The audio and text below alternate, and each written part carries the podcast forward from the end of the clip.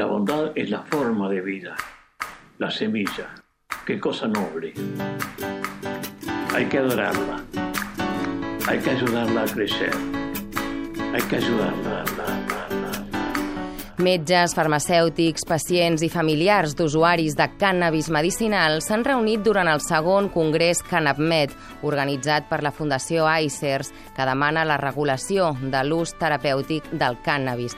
El congrés va començar divendres al Col·legi Oficial de Metges de Barcelona i continua avui al Centre de Cultura Contemporània en una jornada oberta on es donarà veu als col·lectius especialment afectats per la prohibició. Òscar Parés és el subdirector de la Fundació ICERS, International Center for Ethnobotanical Education Research and Service. Cal implicar els professionals de la salut i que sàpiguen i que puguin optar a tota aquesta informació objectiva que els pacients doncs, ja coneixen, han accedit a través d'internet o a través de l'ajuda intraiguals, però els metges, donada la situació legal del cànnabis, no tenen una informació objectiva sobre el mateix i en aquest debat amb els pacients vam veure que el que feia falta era implicar els metges en aquesta conversa perquè només com a societat en el seu conjunt podrem resoldre aquesta situació. Arrel del primer Congrés CanapMed, celebrat l'any 2016, va sorgir la Unió de Pacients per la Regulació del Cànnabis, una entitat impulsada per pacients que s'organitza per millorar la qualitat de vida i els drets i les llibertats d'aquest col·lectiu.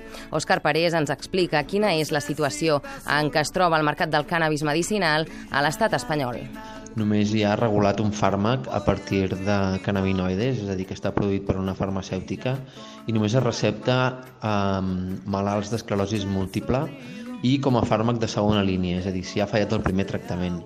Per tant, aquest fàrmac està infrareceptat i, a més a més, té dos defectes. Un és que té un gran cost de producció, val uns 500 euros mensuals pel pacient, això cobreix la seguretat social, però és un, un, gran cost comparat amb el cost de, de, de cultivar o de produir una planta. I dos és que molts pacients no l'acaben acceptant perquè també és un nebulitzador i els acaba produint algunes irritacions al, al coll i per tant doncs, per un temps a alguns els funciona però diguéssim que és un medicament infrareceptat i infrautilitzat i la planta del cànnabis té més de 200 principis actius, per tant cal seguir avançant en, en el coneixement de, de, les, de les propietats medicinals del cànnabis. En aquest segon CanAmmet han dedicat una especial atenció al col·lectiu de professionals de la medicina que han pogut parlar amb els pares de la Mariola, per exemple, una nena d'11 anys que té esclerosi tuberosa i com a conseqüència pateix epilèpsia. Escoltem el Santi, el seu pare. Desde los seis meses empezó a tener los primeros espasmos A continuación eh, fueron aumentando en número y en virulencia y desde hace dos años que está tomando extracto de, de marihuana, concretamente CBD, se han reducido las crisis de, de, una media de 4 o 5 al día, pues quizás tiene una al día o hay días que no tiene. Y ha mejorado también su estado anímico, su, su comunicación, la de ella y la de, y la de la familia, claro.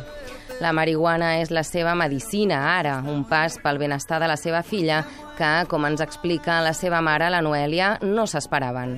No lo habíamos oído tampoco, eh, estábamos muy metidos en el mundo hospital, digamos, y, y estábamos la verdad que muy agobiados porque la única solución que nos daban es que no te acabaras los antiepilépticos, tú tranquila que no te los acabarás. Y era ir probando y probando y sin obtener resultado positivo y no nos imaginábamos esto y entonces bueno, nos lanzamos en la piscina, sí, y ha sido una buena solución. Y el libro de los abrazos se abre otra vez.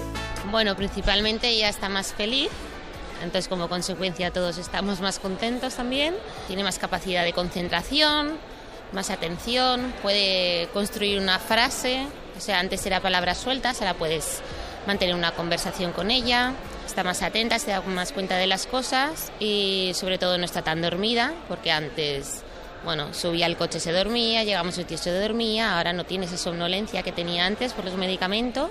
Eh, es, es ella, antes no era ella. Els pares es van informar amb metges que utilitzen cànnabis terapèutic i el Santi es va posar a cultivar marihuana. Eh, ell, diu, fa la medicina a la seva filla, extreu el CBD, un principi actiu de la planta del cànnabis, de les seves pròpies plantes, per fer-ne l'oli per la mariola. Dentro de la planta hay numerosos cannabinoides, pero sobre todo es el CBD el que tiene propiedades anticonvulsivas. THC también, pero sobre todo CBD. Probamos con diversas variedades, pero la que mejor le ha funcionado es la que tiene un 95% de CBD. Segons el Santi, aquestes són les properes passes pels pacients, tenint en compte que els medicaments que es venen avui en dia a les farmàcies i que tenen cannabinoides no serveixen per tothom. Bueno, fundamentalmente eh, el problema se basa en la legalidad o ilegalidad. Si, si las eh, leyes cambiaran y se permitiera que fuera legal, sería mucho, mucho más fácil acceder a ellos porque habría una empresa farmacéutica que lo fabricaría y lo podríamos conseguir en las farmacias. Por lo tanto, eh, es un problema simplemente de cambiar la ley. Y para cambiar la ley hace falta voluntad o, como comentábamos antes, que se dé la circunstancia de que alguna persona influyente, algún político con poder, pues tenga algún familiar con, con dolor, con enfermedad, con epilepsia, para que la cosa se acelere. Los productos que se pueden vender en farmacias actualmente que contengan CBD o THC, aparte de que no están recetados para la enfermedad de, nuestra hija, sino que para otro tipo de enfermedades. Tienen unas proporciones, eh, unas concentraciones de THC demasiado elevadas y además no dejan de ser eh, medicinas que están bajo el control de la industria farmacéutica y que tampoco estamos, no, estamos de acuerdo en que se, las em, virtudes de una planta eh, se tengan que al final regir por el control de las empresas. L'any 2001, arrel de les demandes de l'Associació Àgata de dones amb càncer de pit, el Parlament de Catalunya va aprovar per unanimitat demanar al govern central la regulació del cànnabis medicinal, però no hi ha competències suficients a Catalunya per tirar-ho endavant i, de moment, a l'estat espanyol no hi ha voluntat política per la regulació i la situació dels pacients no ha millorat. Si de cas ha millorat degut a la feina i la tasca que han fet les associacions de persones consumidores de cannabis, que han actuat com a farmàcies, donant accés a aquesta medicina de primera necessitat per moltes persones, però cal incidir molt en el control de qualitat, en el seguiment dels estocs, cal, cal regular i normalitzar aquest fàrmac perquè és el que necessiten els pacients. Per tant, les associacions han fet una gran tasca però no poden resoldre eh, aquest problema perquè no són accessibles per tot el món. A diferència del que passa en molts països del món, aquí encara seguim en la clandestinitat o les persones s'han de moure entre l'autocultiu, l'ajuda entre iguals o el mercat informal. El que sí hi ha cada vegada més evidència del que passa en altres indrets del món on sí hi ha accés, programes d'accés al cannabis medicinal, com és el cas de Califòrnia, on ja l'any 1996 es va aprovar per referèndum l'accés a la marihuana medicinal. Recordo que el 2017 es va aprovar l'accés a la marihuana per adults o recreativa també, és a dir, és a, un lloc pioner al món en tota aquesta eh, renovació de polítiques, però també, per exemple, el cas d'Holanda, on el 2003 es va posar en marxa un programa d'accés al cannabis medicinal i hi ha una empresa que produeix eh, cannabis de forma estandarditzada un fàrmac que a Holanda està subvencionat per la Seguretat Social. I mentre actualment a 30 països del món es pot accedir al cànnabis medicinal, a l'estat espanyol es produeix una situació paradoxal. Òscar Parés.